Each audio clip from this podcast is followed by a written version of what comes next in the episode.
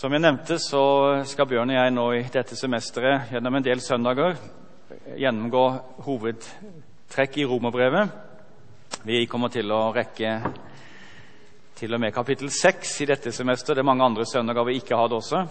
Så skal vi fortsette til høsten, og så får vi se hvor lang tid vi tar på det. Men eh, vi er så overbevist om det at en sunn og sterk kristen og en sunn og sterk mener blir vi bare ved at vi er forankret i Guds ord. Og Få skrifter er så fundamentale i Bibelen som romerbrevet. Jeg husker For en del år tilbake så var det en anket, og daværende ordfører i Trondheim, Anne Katrine Parov, spurte hva, hva leser du for tiden. Romerbrevet, sa hun. Jeg kan ikke være bekjent av å ikke ha lest romerbrevet. Og Luther sa det at ingen kristne kan være bekjent av å ikke kunne romerbrevet utenat. Vel, jeg må bekjenne å ha skuffet Luther. Men viktigere enn å kunne det utenat er å ha det i sitt hjerte og ved troen ha blitt grunnfestet i romerbrevets budskap, som handler selvfølgelig om det dyrebareste av alt Jesus Kristus og Hans nåde. Men slik forklart at har du skjønt det, så vandrer du på en måte gjennom denne verden med et hjerte som er frigjort i Kristus. Vers 1-7 i kapittel 1, der er vår start i dag. Paulus, Jesu Kristi tjener, som er kalt til apostel og utvalgt til å forkynne Guds evangelium, hilser de kristne i Roma. Dette evangeliet, dette evangelium har Gud på forhånd gitt løfte om gjennom sine profeter i hellige skrifter. Evangelium Hans Sønn, Jesus Kristus, vår Herre, som menneske kommet av Davids ett, ved Hellighetsånd innsatt som Guds mektige sønn da han sto opp fra de døde. Ved ham har jeg fått nåde av apostelembetet for at jeg i alle folkeslag skal føre mennesker til lydighet og tro, til ære for Hans navn. Blant dem er også dere som er kalt til å høre Jesus Kristus til. Jeg hilser dere alle som er elsket av Gud, dere hellige som er kalt av ham. Nåde være med dere og fred fra Gud vår Far og Herren Jesus Kristus. Hellige Far, hellige oss i sannheten. Ditt ord er sannhet. Ta forresten med dere gjerne bibler. Det kan være fint å ha den foran seg når man leser. Ikke sant, Geir? Yes. Romerbrevet Roma. La meg begynne med et veldig personlig minne. I februar for fem år siden satt Ole Gustav og Turid Aas og Ellen og jeg på et hotellrom i Roma. Vi var der en uke, og hver dag hadde vi bibel og bønn og leste romerbrevet. Hvorfor var vi der? Som veldig mange av dere vet, hadde Ellen fått kreft høsten før, og hun fikk dødsdommen i desember 1999. Og legene ga henne intet håp om å leve, og så sa vi til hverandre la oss se Roma før du dør. Så dro vi til Roma, hadde en veldig spesiell uke der og innviet den mye i bønn for Ellen. Og Jeg husker at Ole Gustav fikk en spesiell tro for at Gud ville gripe inn. Og Det vi fikk kjenne der i samværet med hverandre og med Herren på det hotellrommet, et lite hotellrom, et bitte lite hotell, vi fikk kjenne det som Paulus hilser menigheten med. Vi kjente oss omsluttet av det.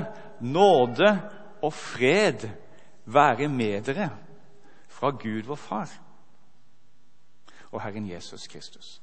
Vi kjente oss omsluttet av Guds nåde. Og vi kjente, selv om Ellen var i dødsskyggens dal, så å si, hans fred på forunderlig vis.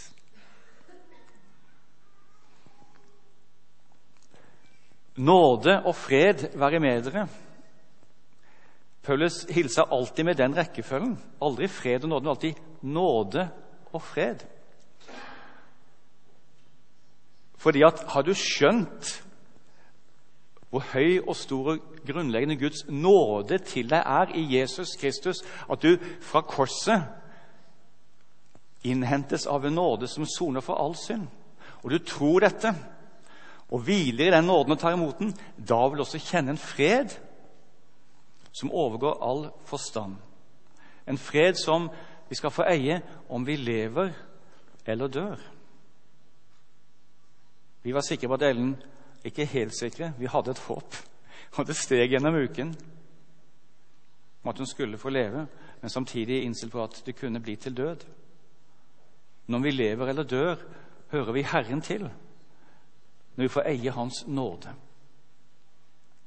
Et spesielt minne fra Roma, omsluttet av nåde og fred.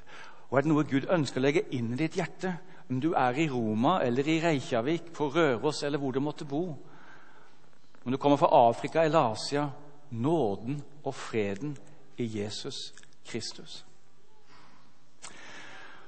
Vi fikk kjenne det sterkt der på et hotellrom i Roma. og jeg tenker 1550 år tidligere, for Paulus skrev dette brevet ca. år 55-57 etter Kristus. Hvor sterkt må ikke de ha følt det som mottok dette veldige brev, de første kristne i Roma? Vi gikk og så på ruinene fra keisertiden der. Og Når Paulus skriver brevet, så er Nero på tronen. Det er en by preget av utskeielser, av keiserdyrkelse, av avgudsdyrkelse, av mange slags gudestatuer, av perversiteter, av løsluppenhet, av en utskeiende seksuell livsstil. Men midt i denne på mange måter perverse verdensbyen, preget av makt, men også av forferdelig frafall, reiser Gud opp et nytt og hellig folk. Fanget inn av Jesu kjærlighet. I denne store by bygger Gud et folk. Fanget inn av Jesu nåde og fred. De mottar dette enestående brevet. Paulus er i Korint. Han mener at han har avsluttet sin tid nå i Lille-Asia, i, i Hellas. Han skriver, Det kan dere lese om for dere selv når dere kommer hjem. I kapittel 15 så skriver han om bakgrunnen for at han skriver dette. Han skriver fra Korint. Han er åpenbart mye kjennskap til menigheten i Roma. Han hilser over 20 personer i kapittel 16, hvorav en tredjedel er kvinner. Han hilser dem og har tydeligvis mye informasjon, men han har ennå ikke vært der. Og Så skriver han at han lengter efter å komme til dem, men først må han en tur til Jerusalem og avlevere denne store pengegaven som dere husker han har samlet inn til de fattige i Jerusalem. La oss alltid huske på de fattige, dere. Gi gjerne en ekstra gave til dem som nå står i fare for å sulte i hjel i Pakistan. Han skal samle inn og reise med pengegaven til Jerusalem. Så skriver han at deretter vil jeg gjerne komme til dere for å dele en nådegave med dere, for å hvile ut og for å oppleve troens glede sammen på min vei til Spania. Det er hans reisemål. Og så skriver han dette brevet for å ta opp en del fundamentale ting. Ja, Hva skriver han om? Skriver han om hvor forferdelig keiseren er? Nei, ikke et ord om Nero. Bortsett fra dette forunderlige. Vi skal komme tilbake til det. Bøy dere for øvrigheten, sier han. Selv med Nero på tronen. Skriver han om aktuelle politiske spørsmål i Romerriket? Nei, ikke et ord om det. Skriver han om at de kristne må få innflytelse? Være opptatt av å få innflytelse? Nei, ikke et ord om det. Han skriver om det som er livets hovedsak. Å bli rotfestet og grunnfestet ved troen alene at troen på Jesus Kristus er det som frelser oss, ikke lovgjerninger. Og Det er noe av hovedtemaet. Vi frelses ved troen alene, ikke ved våre gode gjerninger. For de vil aldri være nok. Og Antagelig så har han et tre hele kapitler om Guds utvalgte folk, som vi alltid må velsigne. Vi er kalt til å velsigne Israel, selv om de gjør mye galt. Så må vi huske på at vi skal velsigne Israel. og Paulus skriver om Israel i tre kapitler, antagelig fordi menigheten besto av jødekristne og hedninger, og at det var kanskje litt spenning dem imellom. Og de har antagelig også diskutert en del om loven og lovens betydning for den kristne. Alt dette kommer vi tilbake til. Men det han dypest sett vil hjelpe dem til, er å få dem til å forstå frelsens grunnlag og frelsens konsekvenser. For slik er det, dere. Forstår vi dette, og lar vi oss prege av dette ord, som han skriver til dem i kapittel 12, bli forvandlet ved fornyelsen av deres sinn, så jeg kan prøve hva som er Guds vilje, da vil Herren sørge for at vi får innflytelse. Vær ikke opptatt av innflytelse. Vær opptatt av å leve rett for Gud. Går vi i dybden, vil Herren sørge for breddevirkningene. Det er med dyp overbevisning. Søk sannhet og rett og frelsen i Jesus. Og du skal bli det mennesket som vil påvirke andre. Fordi Gud først har fått gjøre en gjerning i ditt liv. For det er hans ambisjon. Forvandlede liv i Jesus Kristus. Han hadde jo selv fått erfart det. Jeg, Paulus, sier han, Jesu Kristi tjener. Men det står egentlig på gresk Jesu Kristi trell, slave. Han begynner å presentere seg selv. Jeg, Paulus, Jesu Kristi slave, som er kalt til apostel og utvalgt til å forkynne Guds evangelium, hilser dere. Den første i rekken det er ikke den første, men en av de største kan vi si, merkverdige forvandlinger. Paulus, som var en nidkjær jødisk fariseer, og som hatet de kristne og forfulgte dem, og var på vei til Damaskus med brev fra de høye, det høye råd i Jerusalem med fullmakt til å fengsle og torturere de kristne, til å spotte og avspotte, til å spotte Jesu navn og avtvinge den troen. Der er han på vei. Og så forteller han plutselig blendelsen av et syn og han faller til jorden. Han klarer ikke å se opp, og han faller blendet til jorden. Og så hører han en røst fra det høye. 'Saul, Saul, hvorfor forfølger du meg?' Det blir hardt for deg å stampe mot brodden. 'Hvem er du, Herre? Hvem er du, Herre?' 'Jeg er Jesus, som du forfølger, men stå opp og reis deg, for jeg har utvalgt deg til å være et redskap for å, for å forkynne mitt budskap og føre mennesker fra mørke til lys.' Og Han reiser seg opp, og han er blindet. Og Han kan ikke se, og de må føre han ved hånden inn til nærmeste by, til, Dam til, til Damaskus. Og han får beskjed om å gå til en gate som heter byen, nei, til en gate som heter Den rette. Og Dere husker historien. En disippel der, Ananias, har fått beskjed om å, å hjelpe Paulus på veien. Og Han kommer til ham og hilser ham. og Han blir døpt, og han blir forvandlet, og han blir en flamme og en kraft. Han som var en forfølger, en spotter som hadde vært der og samtykket i lynsjingen av den første kristne martyr Stefanus. De la klærne, står det ved foten til han som heter Saulus. Saulus betyr den lille. Og Han gikk hele livet gjennom Paulus med denne bevissthet. Jeg har forfulgt de kristne. Jeg har spottet hans navn. Jeg er ikke verdig til å kalles apostel. Jeg er den minste av de hellige. Men så skriver han i 1. Timotes brev kapittel 1 at Gud utvalgte meg for å vise på meg sin utrolig store herlighet. Se på meg, sier Paulus. Se på meg, hvem jeg var. Jeg har spottet Jesu navn. Jeg har gjort det verste. Jeg har fått folk til å falle fra ved å tvinge dem med makt til å frasi seg Jesu navnet. Jeg samtykket i mordet på den første kristne. Når jeg kunne finne nåde, hvor meget mer av alle dere? Tvil ikke på at korsets kraft og hans sonende død dekker for all synd når det kunne dekke meg, deg.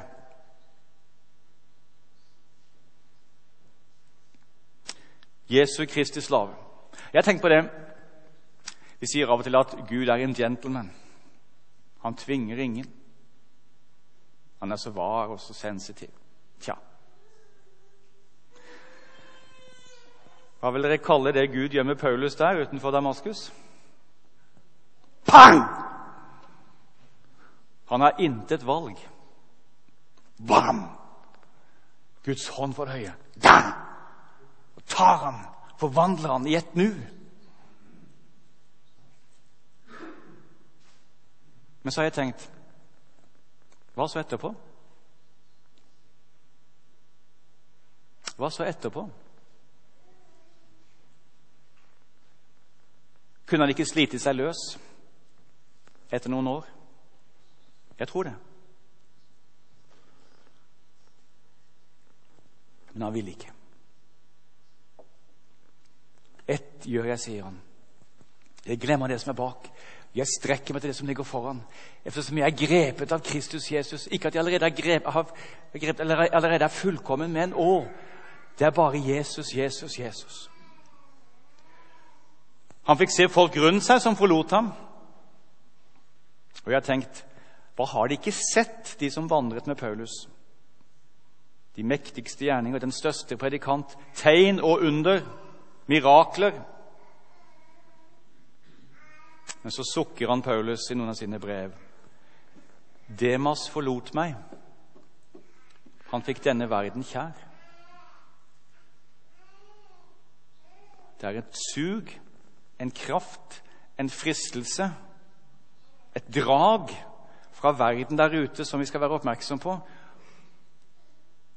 Det var vel ikke slik med deg i 2005 at du ble dratt lenger bort?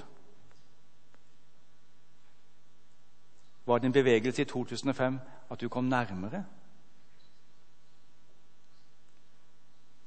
Nå har du et nytt år, og du sitter her. Og så vet jeg hva Guds lengsel for deg er, å få deg helt med seg, med nåde og fred og tjeneste.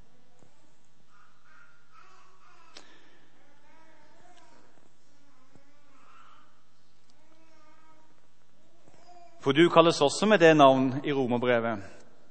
Dere Jesu Kristi slaver.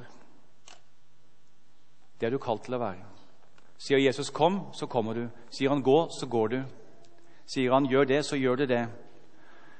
For bare på den veien skal du fullbyrde som menneske at du følger i hans fotspor, Paulus, og går inn i de gjerninger Gud legger ferdige for deg.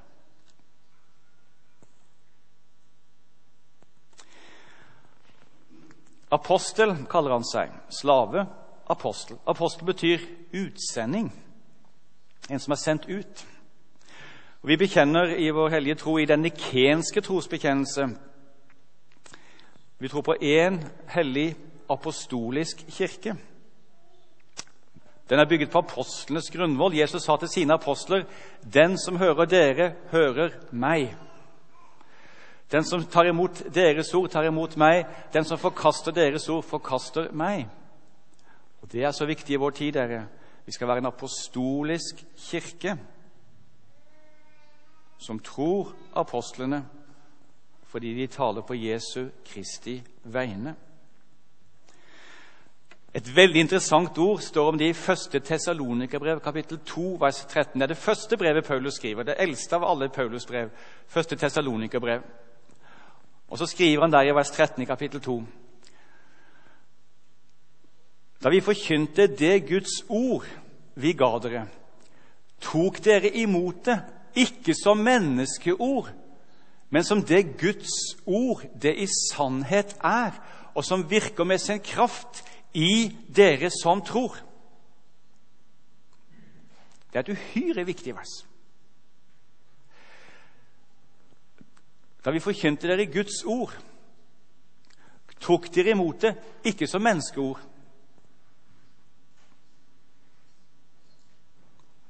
Du har vel ikke hørt den stemmen i vår tid? Ja, men det er jo bare Paulus. Ingen har hørt den stemmen i vår tid. Det er jo bare Paulus. Dere tok imot det ikke som menneskeord, men som det ordet er sannhet er Guds ord. Og så står det 'som virker i sin kraft med dere som tror'. Det er når du tror det og tar det, at det vil virke med sin kraft. Men tror du det ikke, vil det ikke få noen kraft i ditt liv. Ordet de hørte, ble til ingen nytte, fordi ikke ved troen var smeltet sammen med dem som hørte det, sier Hebrebrevets forfatter. Men tror du det, skal det virke med sin kraft. Til hellig liv, til forvandling til utrustning. Og slik har romerbrevet virket også dere gjennom historien med en veldig kraft.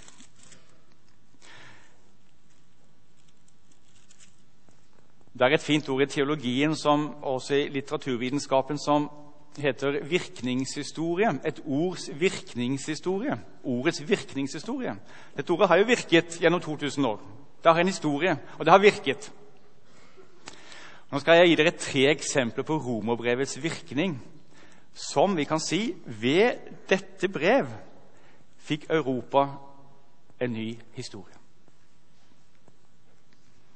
I året 386 virrer en ung mann forvirret rundt i en hage i Nord-Afrika. Han er lynende intelligent, han er så begavet. Han har søkt i alle retninger, i religiøse retninger, i filosofien, men han leter etter sannheten. Han har levd et utsvevende liv, han har et barn utenfor ekteskap.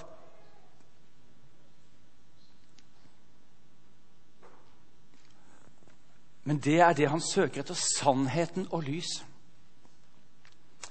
Så hører han noen barn leke, og så hører han de si disse merkelige ordene 'Tolle lege, ta og les'. Og Augustin, som en unge mann heter, han går med Skriften, for han, han er begynt å søke her. Og så slår han bare liksom tilfeldig opp i Romerbrevet 13. Natten er snart slutt. Dagen er nær. La oss da legge av mørkets gjerninger og ta på oss lysets våpen. La oss leve sømmelig som ved høylys dag, ikke i festing og fyll, hor og utskeielser, i strid og misunnelse, men kle dere i Herren Jesus Kristus. Vær ikke så opptatt av kroppen at det vekkes begjær. Og Det er som et lyn inn i hans hjerte. Og i samme øyeblikk sier han, 'Jeg vil bli en kristen'. Hans liv er forvandlet. Og han blir den store giganten i oldkirken. Og ble biskop av Hippo i Nord-Afrika, i dagens Egypt. Augustin.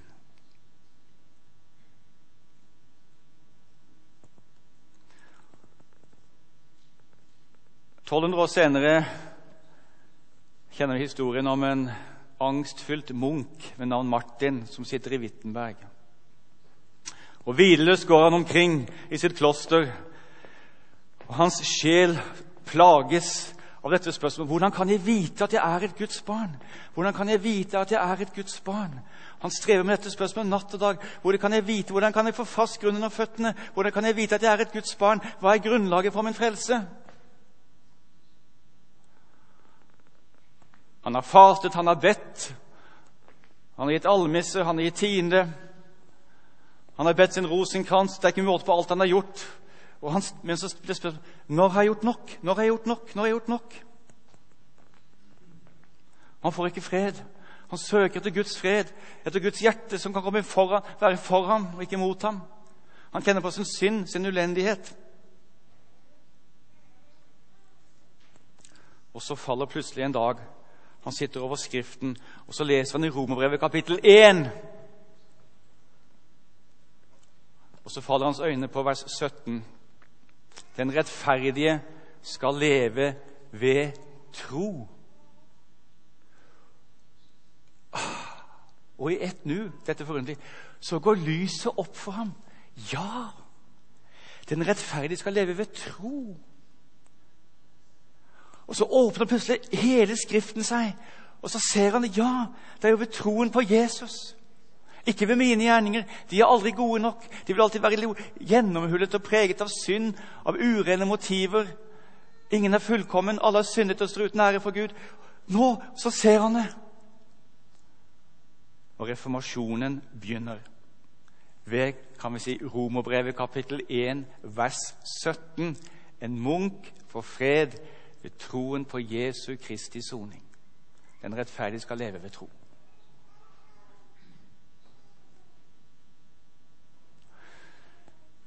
200 år senere går en forvirret anglikansk prest rundt i Londons gater.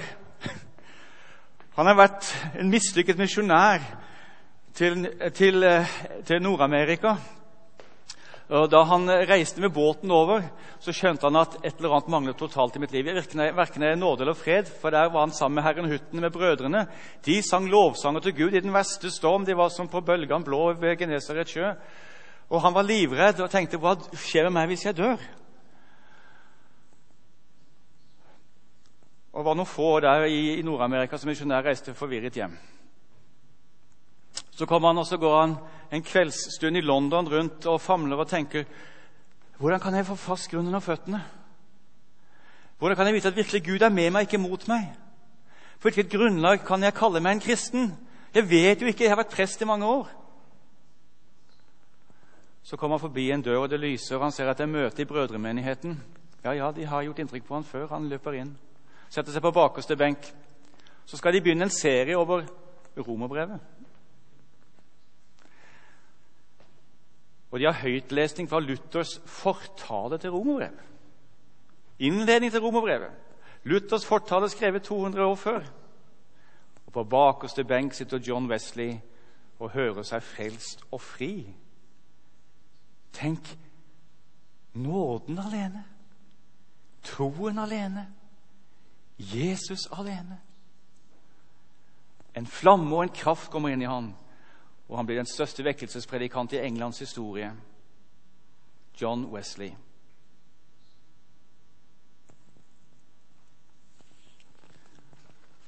Det virker med sin kraft i dere som tror.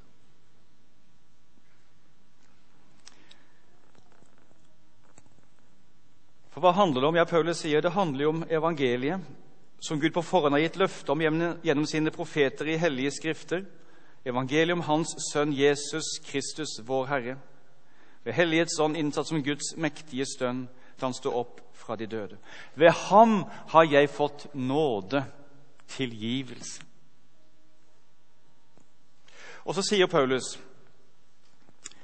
jeg har fått nåde av apostelembetet for at jeg i alle folkeslag skal føre mennesker til lydighet og tro, til ære for Hans navn. Det står egentlig på gresk at målet er troens lydighet. Det er et uttrykk som går igjen flere ganger i Romerbrevet, og helt på slutten i kapittel 16 så gjentar han det som en slags påminnelse. I 16, 26, det nest siste verset for å føre alle folkeslag til lydighet og tro. Hva er kristen tro? Tro er tillit til Guds nåde i Jesus Kristus. Tro er tillit til at alt det Jesus har gjort for deg, er sant og gjelder i dag. Tro er tillit til at det holder det Jesus har gjort. Og tro er og lyde ham som kaller deg når han sier 'følg meg'. For det innerste i tilliten er jo at du overgir deg til Gud med hud og hår. Du kan få komme til Han med alle dine synder og trenger ikke være redd, for Han er der for å tilgi deg alt sammen. Og du kommer til ham med hele ditt liv og sier, 'Ta meg, Herre, og bruk meg som du vil.' Jeg vil ikke lenger leve for meg selv,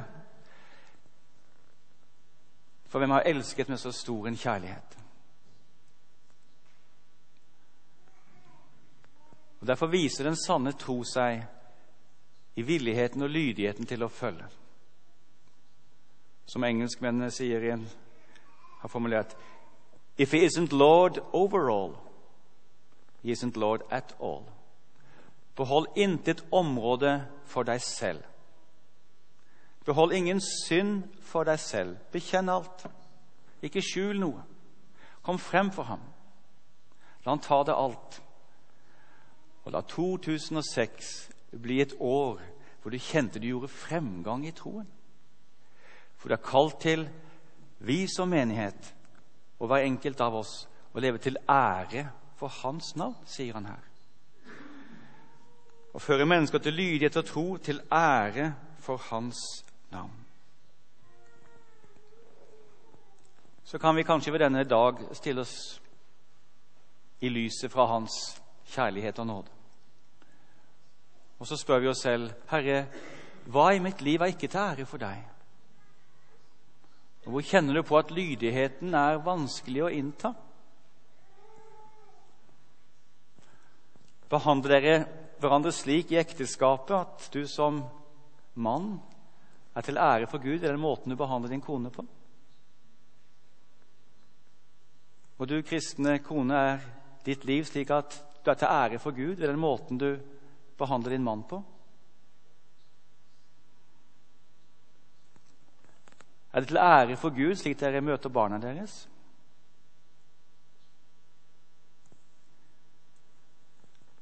Er din tale slik at den er til ære for Gud i måten du snakker til andre på og om andre på?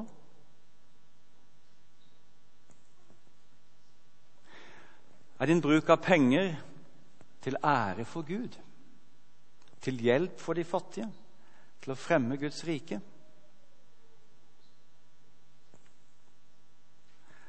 Er din omgang med Bibelen og tiden i bønn til ære for Gud? Og slik at du investerer tid med ham, slik at du kan vokse? Er du kjent på arbeidsplassen som en mann og kvinne som er slik at det dufter godt rundt deg? Og din arbeidsmoral er til ære for Gud?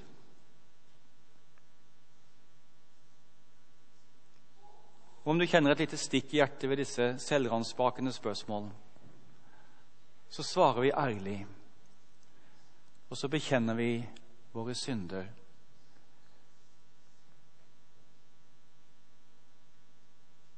Og så hilser Gud deg med sin uendelige nåde og det sonende blod. Og så sier vi, Herre, ikke at jeg allerede har grepet det. Det skulle vært kommet lenger.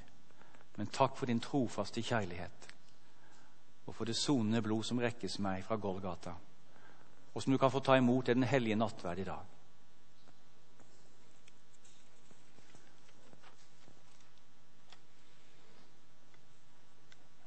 Elsket er dere, sier Paulus til menigheten Rom.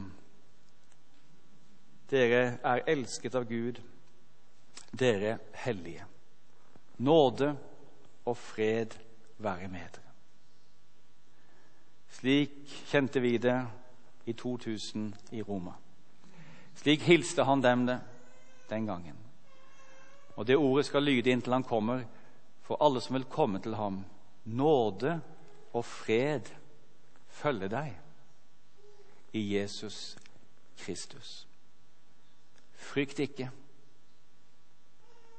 Dere er kalt i Jesus Kristus. Og Det å være hellig betyr å være utskilt fra verden og innviet til et liv med Gud. Vi visste ikke hvordan det skulle gå med Ellen da vi ba for henne i 2000. Men hun er her i dag, vet dere. Gud grep inn. Ikke alle får oppleve det sånn. Denne siste uken døde en, en kjent kristen person i Trondheim, Harald Hekstad. Han var ofte innom her av og til. Måtte her og ha litt påfyll, sa han, og syntes det også er herlig å komme her. Det strålte av han. Så kom døden plutselig uventet. Men om vi lever eller dør, får vi høre Herren til når vi lukker Jesus Kristus inn. La oss omfavne av Hans kjærlighet. La oss være stille for Jesus.